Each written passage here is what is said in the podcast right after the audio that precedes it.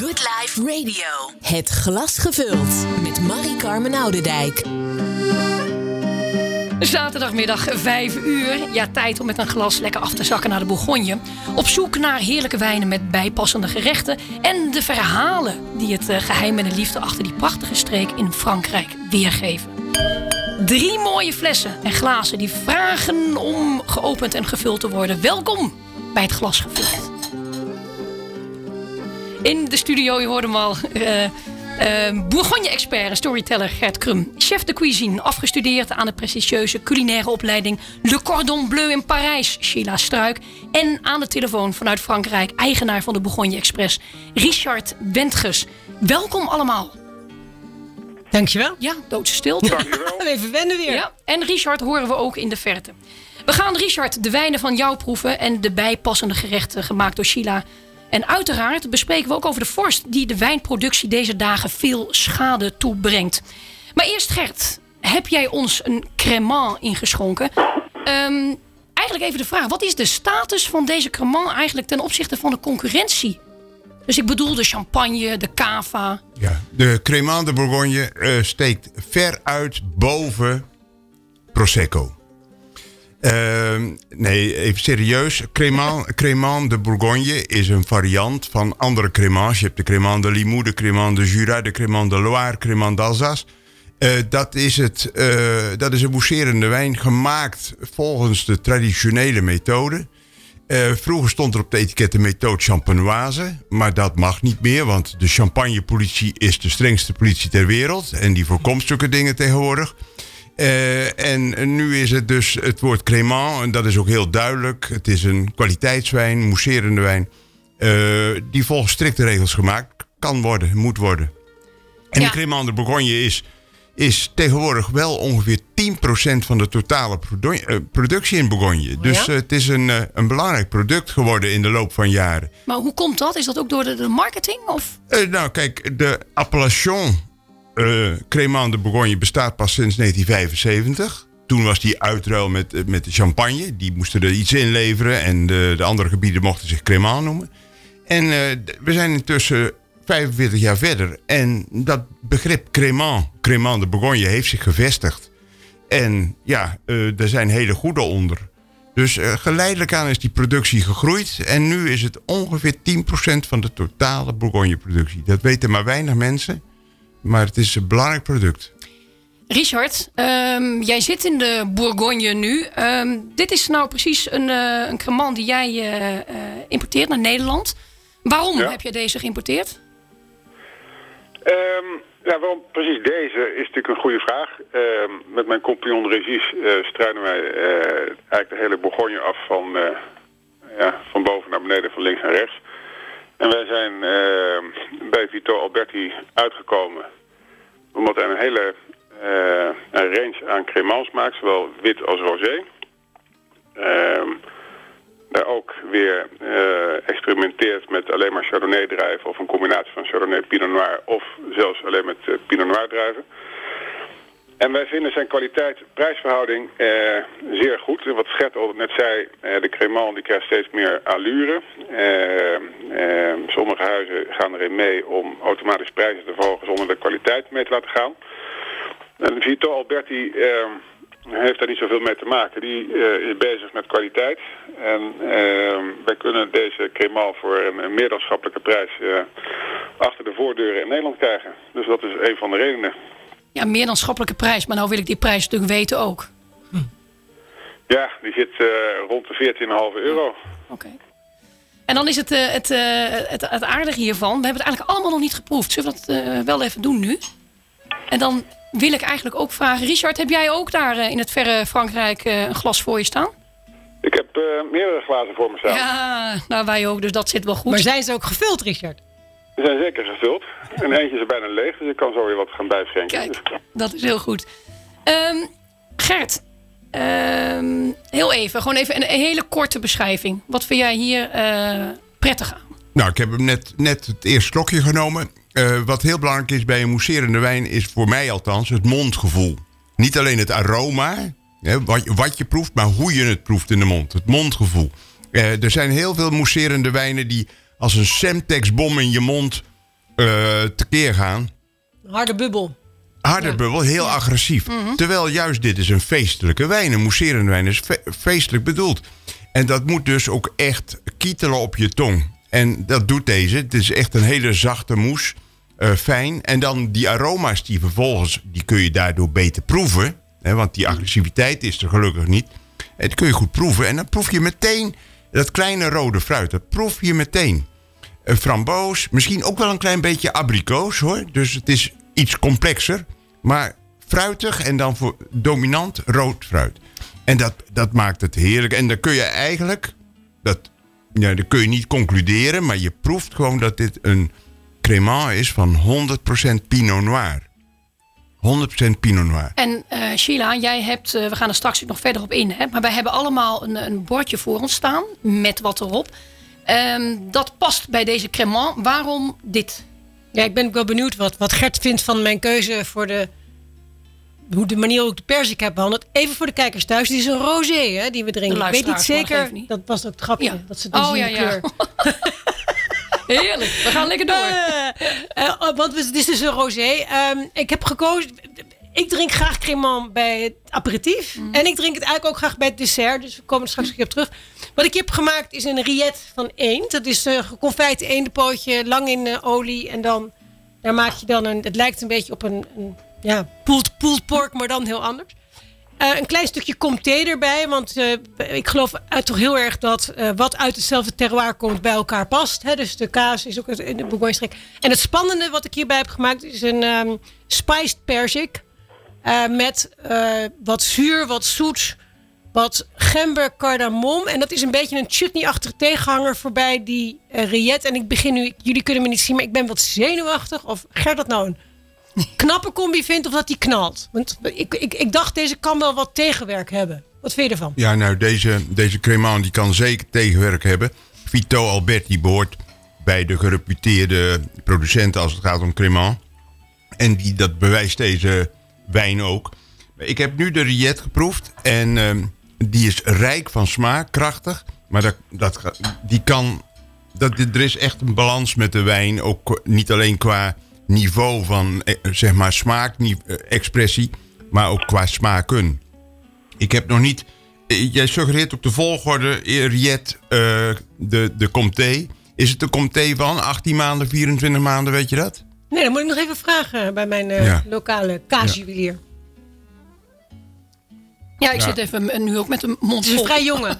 Ik, Hm. ik gok dat hij 12 maanden. Nee, je proeft het nu al. Ja, het is een, een jongen. Hij is ook heel fruitig. Ja. Ehm, als ze iets ouder worden, dan gaan ze heel goed bij een, bij een mousserende wijn. Hè. Eh, Comté dat geldt trouwens ook voor, mag best gezegd worden, ondanks dat het een Bourgogne-programma is, Par Parma-kaas. Ja. Eh, die zijn ook perfect bij, bij eh, mooie eh mousserende wijnen. Maar dit is jong. Ehm, eigenlijk ga je een stapje, vind ik, terug door zijn fruitigheid, door de wat simpeler smaak dan de Riet. Eh, ik hou ontzettend van Comté hoor, maar ehm, of, Iets deze kaas is bijna te jong voor Ja, deze mousserende dat wijn. Moet ik je eerlijk zeggen, dat vind ik ook. Maar bij mij in het kleine dorp hadden we maar één. Ja, waar je op eh, bestelling zo ongeveer binnen moest. Nee, maar, eh, dit, maar dit, jij eet dit vaker. Is dit verrassend voor jou, Gert? Of eh, heb je dit vaker, deze combi gehad? Nou nee, eh, weet je, je moet in de eerste plaats vaststellen dat de meeste Nederlanders nog altijd denken: oh gezellig, een kaasplankje met rode wijn. Ja, En, en dat, dat moeten we de mensen proberen uit het hoofd te praten. exact. Het is witte wijn. En of dat dan mousserend is of stil, of een rosé. Ja. Maar alles is bijna beter dan een rode wijn. hè? Ja, Oké, als jij je kaasplankje beperkt tot eh, harde koemelkazen, dus de, de goudse of zo, eh, er zijn er wel een paar meer natuurlijk. Dan kun je nog eventueel een, eh, een afsluiten met een port of met een hele mooie médoc, weet ik wat. En natuurlijk bourgognes. Maar de meeste kazen, en zeker zo'n fruitige als deze Comté, die, die, die vraagt om de frisheid van een witte, eventueel roséwijn. Kijk, en dat is dus nieuw en dat is bij deze gezegd. En dat proeven we. Laten we het heel even... Ron, die zit ook helemaal achterover. Mm, heerlijk. Ja, precies. Wij gaan het even laten bezinken. Eh, de cremant, die gaan we straks dus nog bij een ander, eh, bij het toetje, zeg maar. eh, ga jij nog iets ons voorschotelen? Nou, ik Ehm, wil nog wel wat zeggen. Sorry. Over, die, over die eh perzik, hè? Die, Ja, chutney-achtige perzik. Want Ja, ja, je zou denken perzik met een eh, bruut rosé. Hmm. Bruut, hè? Het is een bruut rosé. Dus een droge, mousserende wijn. Oh, dat is wel gevaarlijk. Maar die chutney, daar zit, daar zit gember in en koriander. En, en, nou, het, is, het is werkelijk fascinerend van smaak. Eh, nou, dan gaat de, de Vito Alberti bijna onderuit. Hè? Ligt onderuit. Dus het is heel spannend. Er- Ik vind de Riette de mooiste combinatie van de ding. ja. helemaal goed, helder. Die nemen we mee. Jammer voor jou, Richard, maar eh, je kunt niks meeproeven, maar je hoort het. Water loopt je denk ik eh, door de mond. Ehm, ja, toch? Ja, nee, absoluut. Dat is helemaal goed. Wij gaan eh, even luisteren naar eh, Pa- Patrick Bruel met Monama. Good Life Radio. Het glas gevuld. Met Marie-Carmen Oudendijk. De maand eh, april doet wat hij wil. Kranten en televisie die staan vol, jongens, met berichten Ja. over die nachtvorst. Je ziet eh, echt velden met, met vuurkorven. Ehm, hoe erg is het, Gert? Heel erg. Ja. Eh, het is niet uniek. Eh, de laatste jaren komt het eigenlijk steeds vaker voor. Het heeft eh, alles te maken met klimaatverandering. Niet dat het in de jaren 50, 60, 70 of zo eh, nooit voorkwam, maar minder. Eh, tegenwoordig zijn de winters erg zacht. Meestal tenminste. En begint het voorjaar vroeg. En dat betekent dat de sapstroom op gang komt in de planten, in de bomen, maar ook in de wijnstok. En eh, dan gaan de wijnstokken, eh, waar we het over hebben, uitbotten. En die eerste tere groene blaadjes, die zijn absoluut niet bestand tegen vorst aan de grond. Het moment dat de zon nog net niet opkomt, is het koudste moment van het etmaal. En eh, ja, dan, dat komt in Nederland ook vaak voor. Dan heb je vorst aan de grond. En bij min 2, bij min 3 graden verbranden in feite de, de groene eh, tere blaadjes. Eh, en dan is het systeem van de fotosynthese al verstoord. Dus van de groei van de plant en van de eventuele tros. Dan, dan, dan kun je eigenlijk al zeggen van nou, in, dit jaar is er niks meer. Nou is het niet zo dramatisch. Het is heel lokaal. Eh, maar eh, toch eh, schatten ze op dit moment de schade in Bourgogne. Overigens is de Jura heel zwaar getroffen. Is de Champagne zwaar getroffen. Zelfs Saint-Emilion bij Bordeaux. En tot in Noord-Italië toe. Hè. De, de Piemonte is ook getroffen door de voorjaarsvorst. Maar in Bourgogne schatten ze nu, maar het is nog erg vroeg om het te zeggen... de schade op een kwart tot een derde. Dus een kwart tot een derde minder volume. En dat zegt nog helemaal niets over de kwaliteit van de rest. Maar we weten nu al dat eh, eh, de hoeveelheid flessen in 2021 beperkt zal zijn. En, en dat gaat eh, meteen weer tot prijsstijgingen leiden. Ehm, Richard, jij hebt hier natuurlijk mee te maken. Jij zit in de Bourgogne en jij, eh, j- ja, jij hebt ook bestellingen gedaan, lijkt mij. Hoe, eh, hoe pak jij dit aan? Ehm, ja, op dit moment is het veel, eh, veel praten, veel langsgaan en veel bellen met, eh, met mijn wijnhuizen. En wat, eh, wat Gert zegt, daar komen we behoorlijk in de, in de richting. Eh nou, we praten over een kwart tot een derde.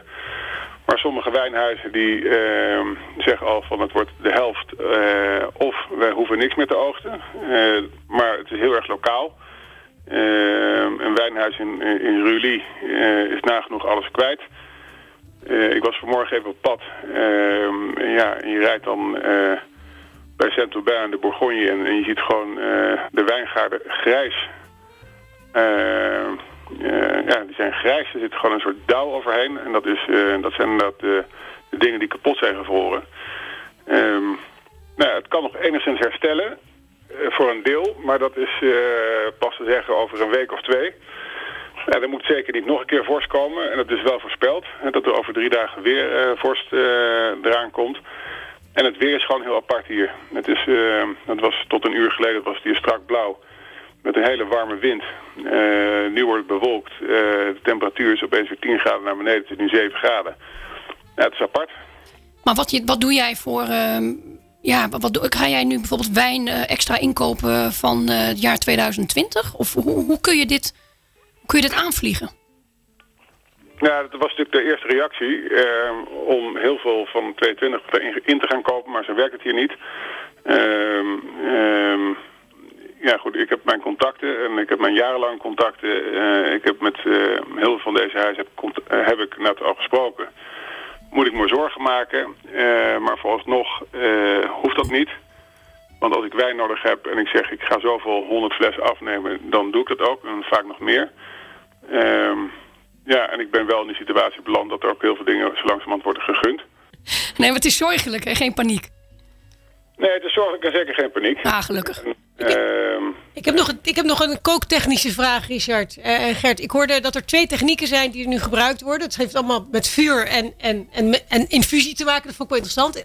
Dus we zetten vuurkorven neer. En dat verhoogt de temperatuur 3 graden maximaal, nee, nee, nee, nee, hm. nee. de vuurkorven hebben een hele andere functie. En er zijn meerdere strategieën. Uh, je moet de wind verplaatsen. Oké. Uh, of je moet de straling, want het is stralingskou, hè, die vorst in de grond, met helder weer. Moet je die straling uh, voorkomen. En de vuurkorven die uh, zorgen natuurlijk voor een klein beetje warmte. Maar de bedoeling is dat er, en het is dus eigenlijk heel milieuonvriendelijk, ja. dat er een, een wolkendek ontstaat van die vieze zwarte walm. Aha. En ik heb ook foto's in mijn, in mijn telefoon staan, dus dat kan ik je straks laten zien dat er, als het dan eenmaal licht is, dan zie je die dikke, donkere wolken als het ware boven de wijngaarden hangen. En zo proberen ze die stralingsvorst te voorkomen. Uh, op sommige plekken, maar dan moet je dus wel over middelen, financiële middelen beschikken.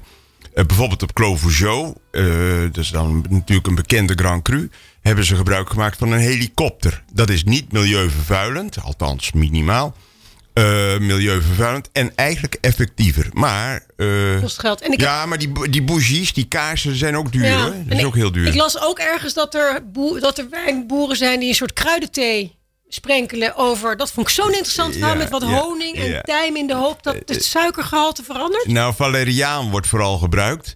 Uh, dat zijn de biodynamische boeren. De biodynamische boeren die proberen het niet door de vorst weg te houden, maar door de stok sterk te maken. dus eh, dat is ook een manier om je tegen koud te wapenen, doordat je er zelf beter tegen kan als het ware. dus, maar wat is volgens jou nou, uh, want dit is natuurlijk niet van nu, dat is natuurlijk al veel vaker gebeurd. Levende waar. Ja. Maar de laatste jaren wel heel vaak hoor. Chablis uh, werd in de jaren 50 veel getroffen door wintervorst. Eh, dan, bij min 20 gaat een wijnstok gewoon kapot. Uh, tegenwoordig is de winter ook in Chablis, La Petite Sibérie werd het genoemd. Hè? La Petite Sibérie, het kleine Siberië. Uh, typisch Frans, zo'n overdrijving. maar tegenwoordig is het daar niet zo koud meer winters. Maar speelt dus de voorjaarsvorst een, een, een, een schadelijke rol. En de afgelopen jaren is Chablis heel veel getroffen. Maar het is vaak wel heel plaatselijk. Dus uh, ook in de Côte of, nou, welk gebied ook in de, in de Bourgogne, Richard had het net over de Chalonnais, uh, kan het heel plaatselijk zijn. En, en binnen de plaats ook nog weer. Hè. Je hebt wijngaarden die vroeger uitlopen, die later uitlopen. Het komt heel nauw, maar per saldo ja, is de schade toch waarschijnlijk wel.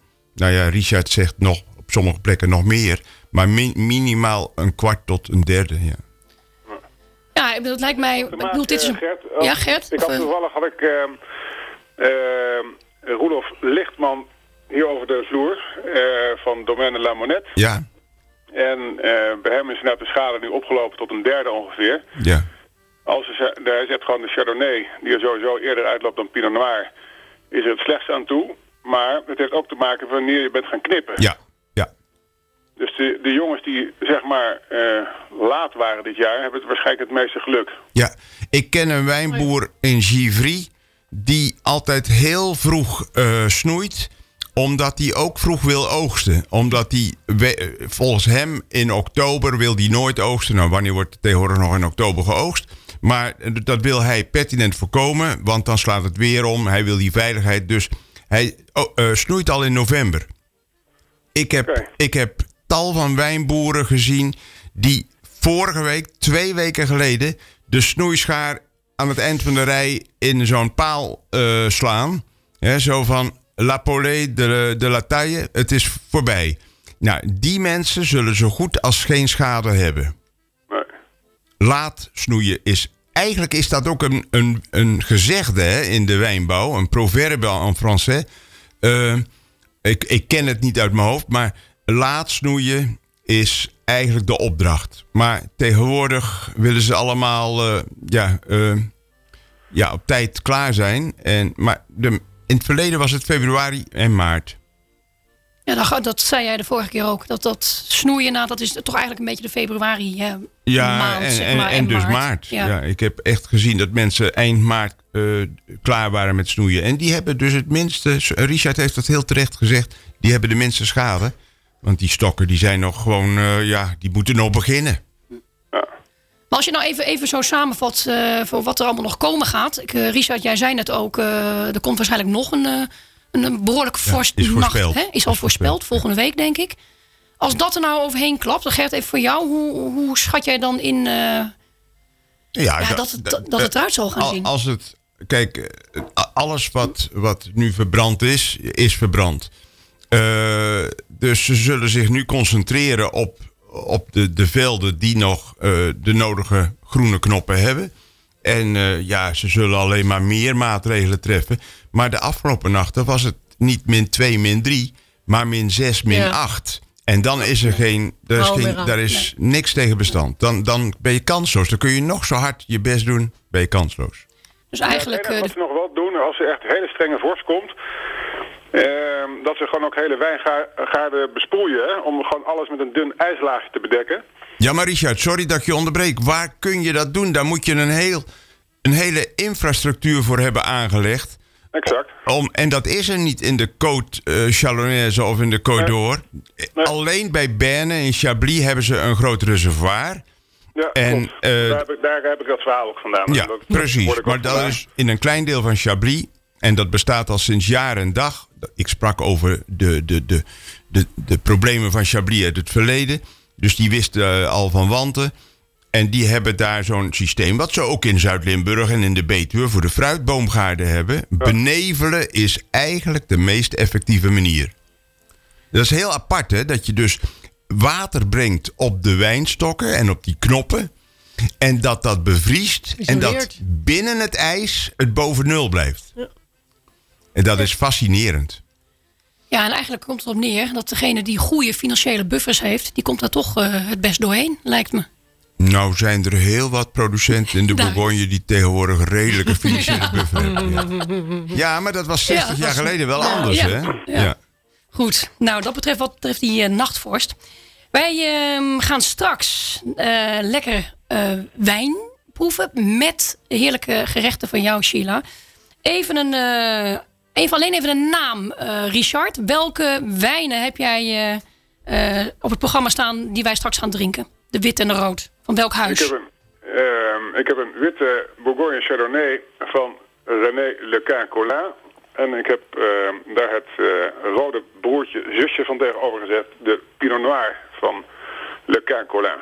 Oké, daar gaan we straks meer over vertellen. Sheila, jij hebt daar in ieder geval al mee bezig gehouden wat betreft de gerechten. Ja, klopt. En eh, Richard gaat straks vertellen over dit wijnhuis. Er zijn een paar karakteristieken waardoor ik me heb laten inspireren voor het eh, voor hoofd- en nagerecht. Dus de- we, onthullen dat straks. Yes, zo is het. We gaan luisteren naar Angèle met Tout oublié. Van koken tot wonen en van gezondheid tot showbiz. Good Life Radio. Angèle met Tout oublié. Ja, welkom terug bij het eh, glas gevuld. We hebben net al lekker zitten proeven en eten. En er staat ons nog veel meer te wachten. Ehm, laten we meteen aftrappen. We hebben een heerlijke rode en een witte wijn. Richard, die heb jij voor ons uitgezocht. Ehm, ja, brand los. Wat gaan wij hier proeven?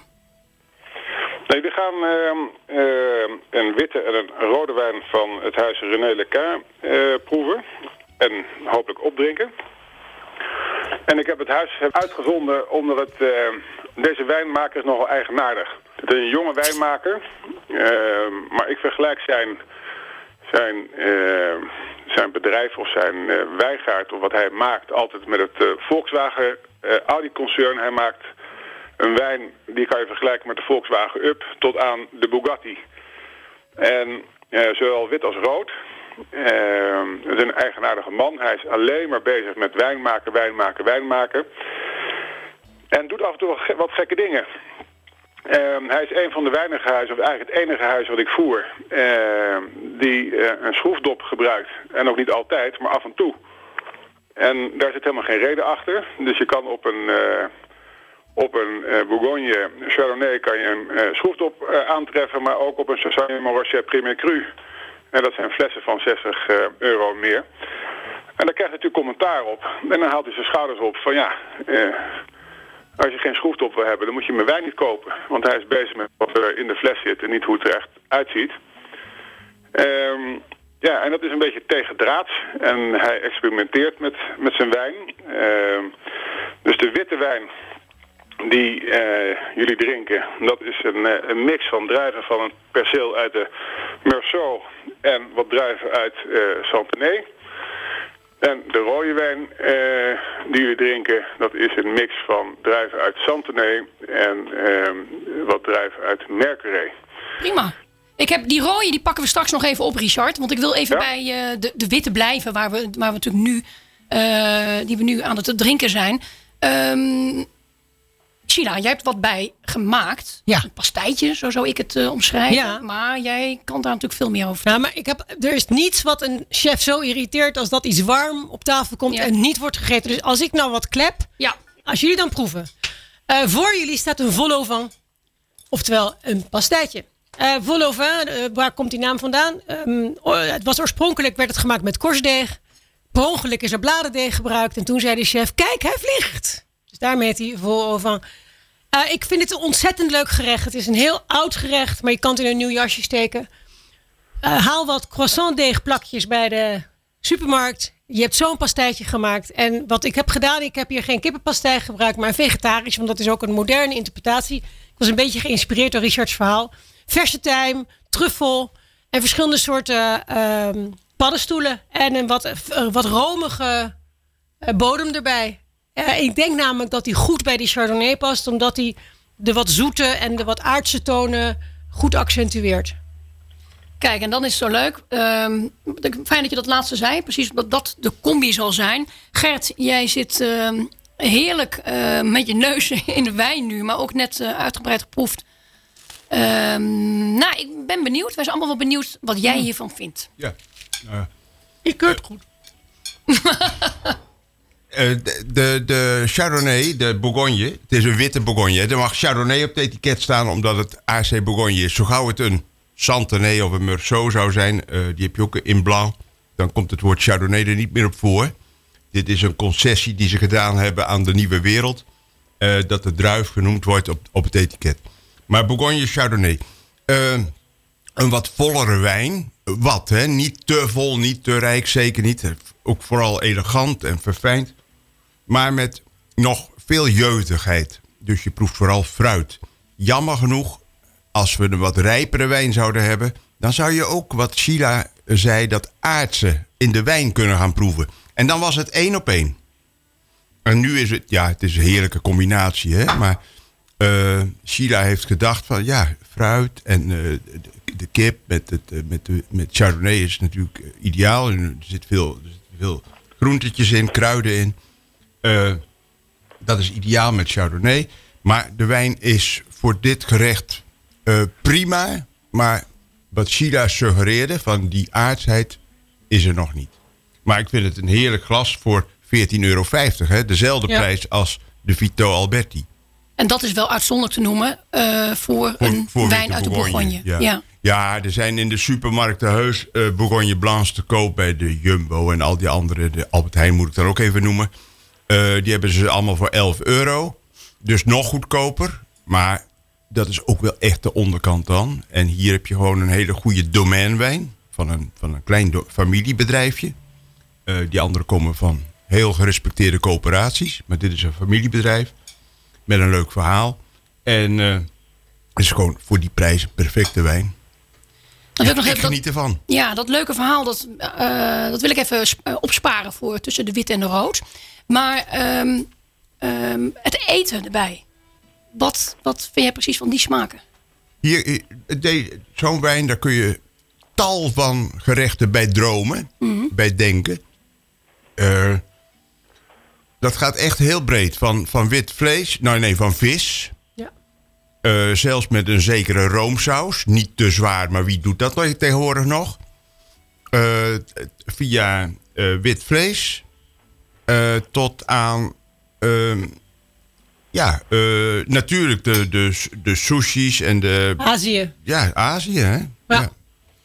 Maar ehm, Sheila, jij, had, jij maakt natuurlijk zoveel. En je had eigenlijk, dit was gewoon echt een keuze van jou. Je had meer. Wat, wat, wat zou je, wat, wat kun je hier inderdaad, ik hoor het nu net al een beetje vreemd. Maar wat had jij al klaargemaakt?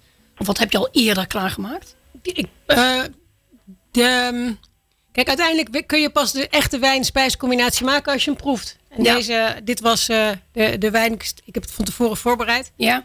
Eh, een al- alternatief hierbij was geweest een, een, een, een, een pesto van rucola met zonnebloempitten. Wat, wat, wat, wat peperig is. Ik ben eigenlijk blij dat ik die niet heb geserveerd. Want die was, had die wijn echt omgeknald. Dus het is altijd een beetje zoeken. Wat leuk is, bij ons, bij ons in de opleiding doen ze ook wijn-spijscombinaties. Uiteindelijk blijft het een mening. Wil je versterken, wil je tegen elkaar in. Hè, de ene keer zeg je, ik verhoog een aspect van de, van de drank. De andere keer maskeer je wat.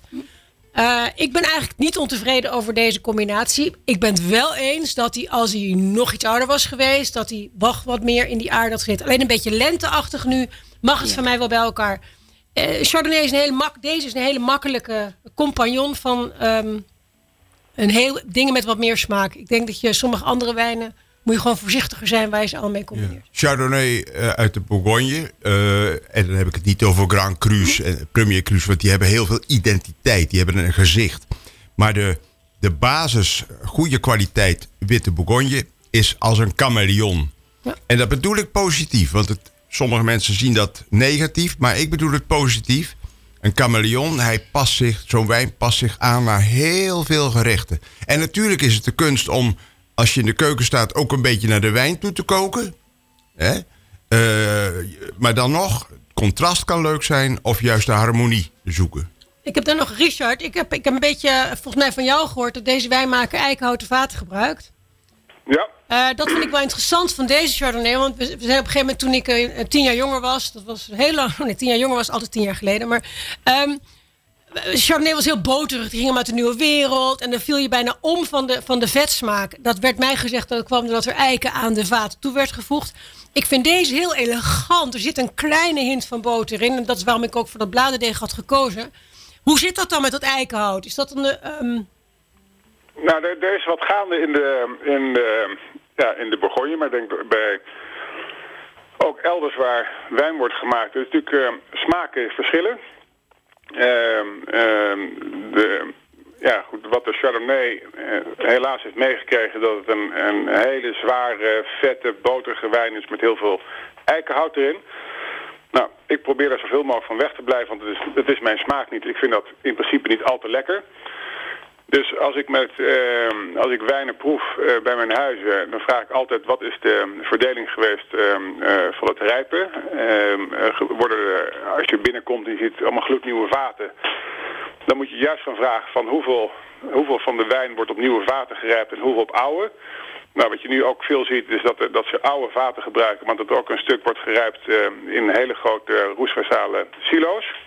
Dat wordt later dan weer gemixt en uiteindelijk krijg je daar de finale wijn van die de fles op gaat.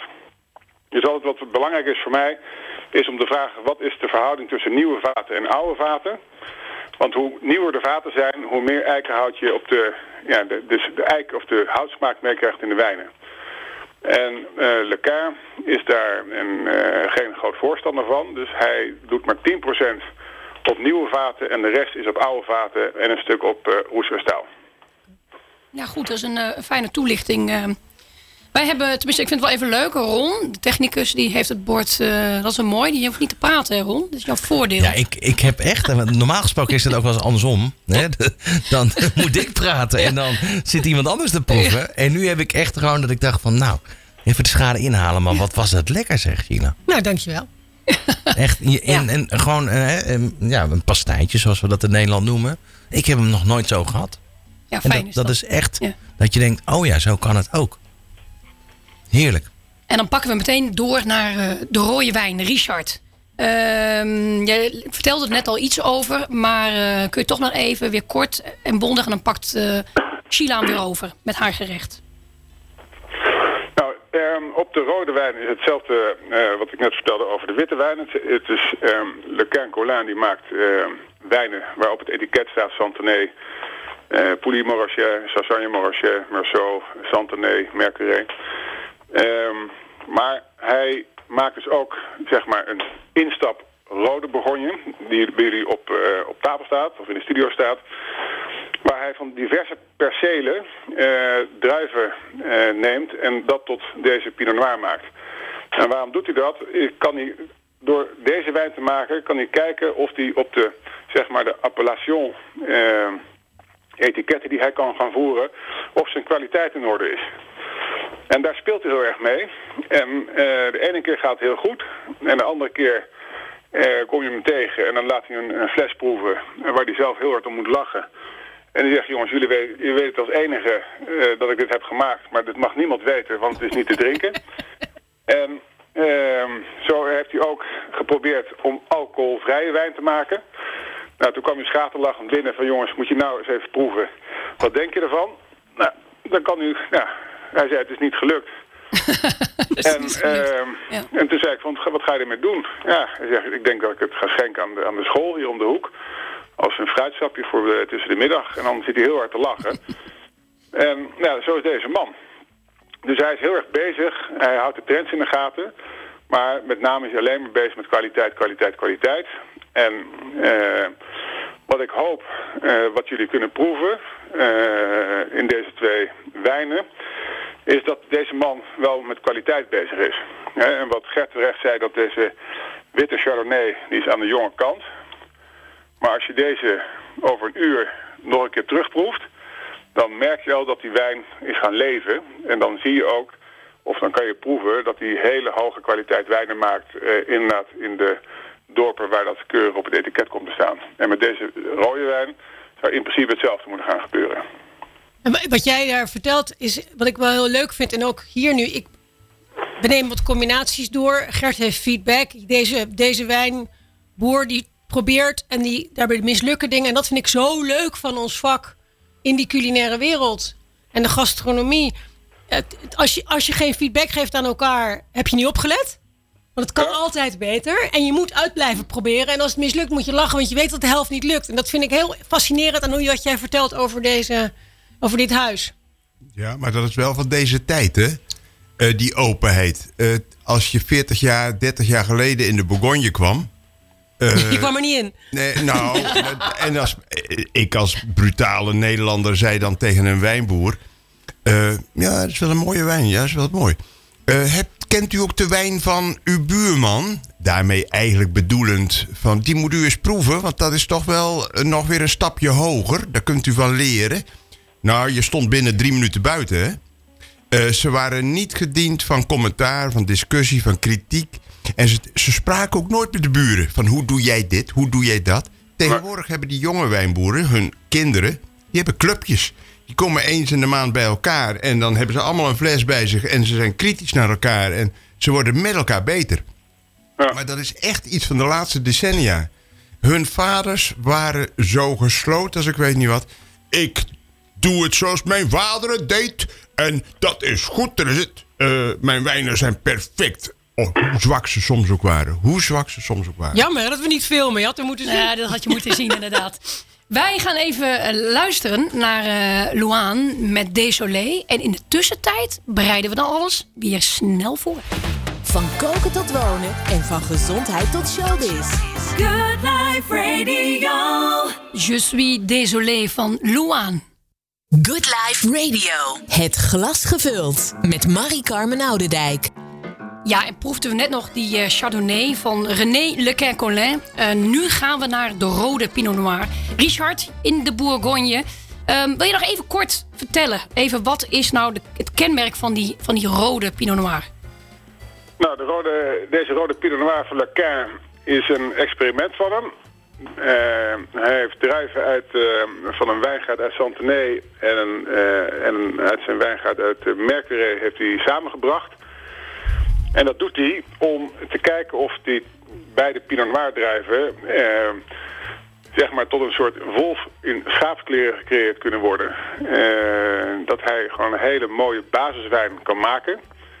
En dat is een beetje de opmaat wat hij dan op die twee aparte percelen eh, weet te gaan doen eh, qua wijn maken. Dus er zit van alles wat in. Het, het kan een complexe wijn zijn. Hij moet wat lucht hebben en dan is hij heerlijk. Nou, dat is fijn. Wij, wij gaan hem hier nu in de studio. Eh, Gert, jij ook, hè? Jij bent... eh, ik pak vast even die rode wijn. Maar dan wil ik graag weten, bij die eh, wolf in schaapskleren... zoals jij zo mooi zegt, Richard. Sheila, wat heb jij daarbij gemaakt? Boven schaapskleren. Dus ik dacht, ik, ga iets, ik doe er iets bij wat vrij puur is. Terug naar de smaken van de natuur. Dus ik heb gemaakt in Tian. En Tian is een Provençaals gerecht. Dus niet uit de Bourgogne, maar in de buurt. En het is genoemd naar de aardewerken schaal waarin eh, de gegrilde groenten worden gelegd. Eigenlijk is het een chique ratatouille. Wat ik heb gedaan is een mooie eh tomatensaus gemaakt. En alles met de tijd. De groenten gegrild en in een mooi vormpje gelegd. En een uienfondue erbij gedaan. Daarnaast is een langzaam gegaarde eh kippendijtje. Met wat venkel, kaneel. En natuurlijk... wat heb ik daar nog meer daarbij gedaan? Oh ja, een klein beetje room. Want we zijn in Frankrijk. Ja. En natuurlijk een heel klein beetje boter. De ouderwetse jus met de restjes uit de pan. Ik ben benieuwd eh, Ja, of het erbij past. Je vergeet, citroen. je vergeet te noemen het schijfje citroen. De citroen, exact. En dat haalt het zo omhoog. Hij is ook gegaard in de citroen met wat citroengras zelfs. Ja. Dankjewel. is het nu met mijn mond vol? Nou, dat is oké. Maar wat ik, ik kan heel even doorpraten. Ik, ik, ik ben dol op de Pinot Noir eh, voor de wat lichtere zomerse eh, gerechten. Omdat hij eh, dan, wat mij betreft, goed tot zijn, goed tot zijn recht komt. Gert? Z- Nee, zeker, zeker. En het feit dat je zegt zomerse gerechten, eh, ook de lente eh, is natuurlijk even perfect. Wat heel belangrijk is bij rode Bourgogne, eh, is de temperatuur, de serveertemperatuur. Eh, eerder onder de 15 graden. Eh, en dat zal veel mensen eh, verbazen. Dan daarboven, laat staan ruim daarboven. Er zijn nog veel mensen die altijd nog denken: oh, rode wijn, kamertemperatuur.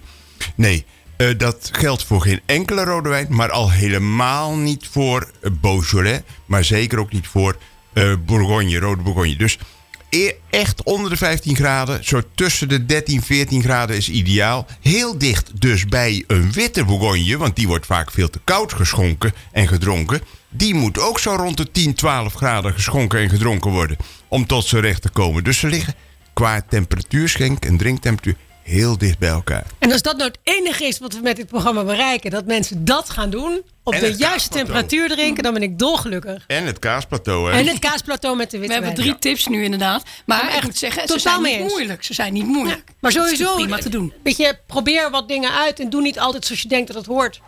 Nee. Maar dus, de, ja, de- deze wijn verbaast mij een beetje. Want het is een Bourgogne Rouge, een Bourgogne Pinot Noir. En als je dan naar de kleur kijkt...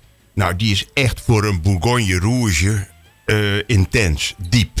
De Bourgognes zijn over het algemeen licht gekleurd. Dat hoort gewoon bij die, bij die, bij die druif, bij die variëteit. Pinot Noir heeft niet zoveel kleur. Deze wijn heeft opvallend veel kleur. En dat ruik je en dat proef je ook in eerste instantie.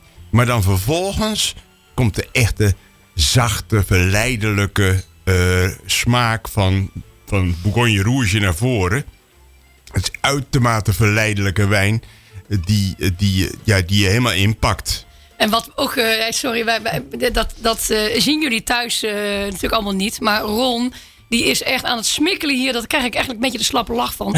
Ron, kijk, de wijn hebben we gehoord. Die je ook. Oh, Maar wil jij ook, ja, hoe, hoe, hoeveel geniet je? Vertel het. Nou, ik proef zoveel smaken in, in wat daar op dat bordje ligt. Dat is echt, ehm, ja, het is, het is een next level.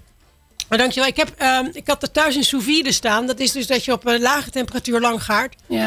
En dat heb ik voor deze keer uit de kast getrokken. Dus ik heb die kip eh, een paar uur laten marineren met wat van die citroen. En, en, en, en dat proef je Heerlijk. gewoon terug. En dan op lage temperatuur, waardoor die echt de kans krijgt om veel te vullen. En dat is denk ik koken. Dat is gewoon, dat is net als wijn maken en wijnboer zijn.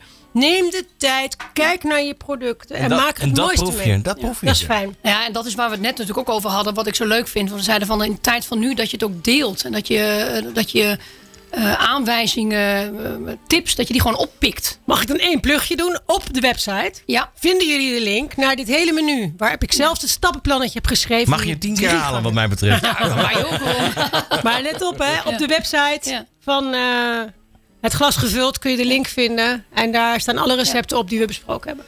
En dat is zo, zo eh, eh, mooi eigenlijk, China, wat je zegt. Want dit, dit, dit zou ook, weet ik eigenlijk niet, maar dit zou ook als een soort brunch gewoon eh, weggezet kunnen worden. Hè? Of, of, of als diner. Ja, Het kan allemaal. wij in Nederland hebben altijd heel erg het idee dat we s'avonds het meeste moeten eten of zo. Terwijl Mhm. in de mediterrane landen gaan we meer tussen de middag eten wat meer. En s'avonds een boterhammetje. Hè. Toen ik in Parijs Mhm. werkte, tussen de middag drie gangen met een eclair. En dan s'avonds gewoon een, een beetje... Een salade. salade met een klein beetje stokbrood wellicht. Dus wat mij betreft kan je dit altijd eten. Probeer het Ja. bij het ontbijt, Marie. Ja, dat is een goeie. Ik had hem al Ron doet dat, denk had ik hem wel. nu al, ja, Oh ja, mij kan je ervoor wakker maken, dus het maakt niet uit. die gaat het nog zo drie keer herhalen, dit. Ehm, nee, heel fijn dit, jongens. Ehm, ik, eh, ik, ik wil hem even doorpakken naar eh, de laatste, het laatste gerecht, zeg maar. Dat is toch het toetje. Ehm, daarbij hebben we bedacht de eh cremant van eh, Vito Alberti. Die we natuurlijk al eh, gedronken hebben in het begin. Waarvan het glas gewoon weer gevuld kan worden. Ehm trap jij hem af? Gert, even nog over het huis. Ja, kijk. Cremant is dus een, een, een nog recente geschiedenis in de Bourgogne. Maar de familie Vito was echt een van de allereerste. Eh Lucien Vito begon in 1951. En eh, hij eh, was werkelijk een pionier. In Reuilly is nu een grote Cremant-traditie, maar hij was de eerste. Samen met zijn vrouw Alberti. Ik denk eerlijk gezegd dat Willeke tante moest zeggen tegen mevrouw Alberti. Vandaar de naam Vito Alberti. Inmiddels is het een kleindochter van Lucien, Agnes. Ja. En die heeft ook een cuvée naar haarzelf genoemd. De cuvée Agnès. En dat is de Dom Perignon van het huis. Dus hè, die, die hebben we jammer genoeg niet in het glas gekregen. Want Richard die probeert het allemaal eh, goedkoop te houden voor ons.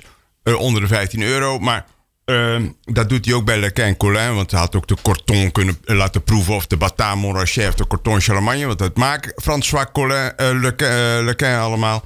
Nee, hij heeft het gedaan met de Brut Rosé. Prima.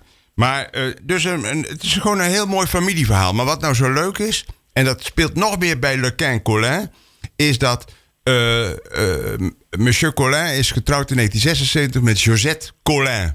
En dan krijg je dus Domaine Le Quin Colin. Ja.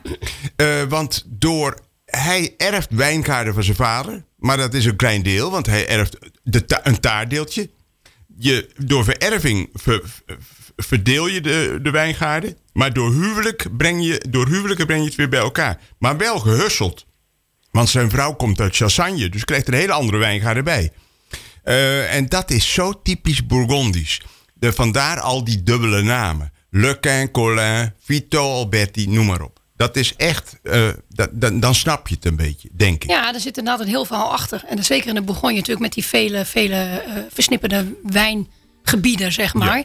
Ja, ja we hebben nog een, een toetje te gaan. Een taartje volgens mij. We hebben een taartje. We hebben een taartje. Ehm, bij al dit eh, lekkere geweld wat ik op tafel heb gezet, heb ik bedacht, laten we dan simpel eindigen. Want dat verdient die rosé crémant de Bourgogne. Eh, we gaan een hele simpele appeltaartje, maar dan een Frans appeltaartje. Gaan we hierbij eten. Ehm, enjoy. Zeker, dat, dat gaan we. Kun je er nog even iets meer over? Dat is simpel zeg je, maar het Ja, er kijk, het is, zo... het is heel erg voor de hand liggend om hier dan weer eh frambozen en aardbeien bij te doen, omdat die fruitig Ja? is. Eh, of perziken. Mhm. Maar die zijn niet in het seizoen. En ik geloof gewoon dat je in het seizoen moet koken. Dus appels zijn nog te vinden nu. En- En, en ik weet ook een hele goede bakker die hele goede appeltaarten maakt. Maar het recept eh, blijft gelijk. Dus ik, vind, ik geloof Ja. gewoon, je bent nu nog ver- ver- verplicht om met appels te werken. Volgende maand kunnen we naar het rode fruit. Geweldig. Ik zit eh, te kijken naar iedereen. Ik, jullie, ja, we zouden er eigenlijk nog een foto van moeten maken. En die plaatsen we bij de gerechten op de site. Alle glazen die hier staan, de flessen, de bordjes met lekker eten. Ik heb eh, onwijs genoten. Ehm, na te lezen dus op ehm Good Life Radio en op sheilastruik.nl. En ehm, Gert, ik wil jou hartelijk danken. Ron, sowieso. Ik heb genoten van je. Heerlijke eten. Nou, ik van het eten en, en ook van de, van de sfeer. Dit Ja, is, hè? Dit is toch zoals het leven moet zijn? Ja, zo moet het leven zijn. Dat hebben we ook hard nodig. Sheila, mag je hartelijk danken. En Richard vanuit Frankrijk, dank je wel voor de heerlijke wijnen die jij ons aangeboden hebt. Dit was het glas gevuld voor de maand april. Wij zien u graag zien, horen u graag weer terug.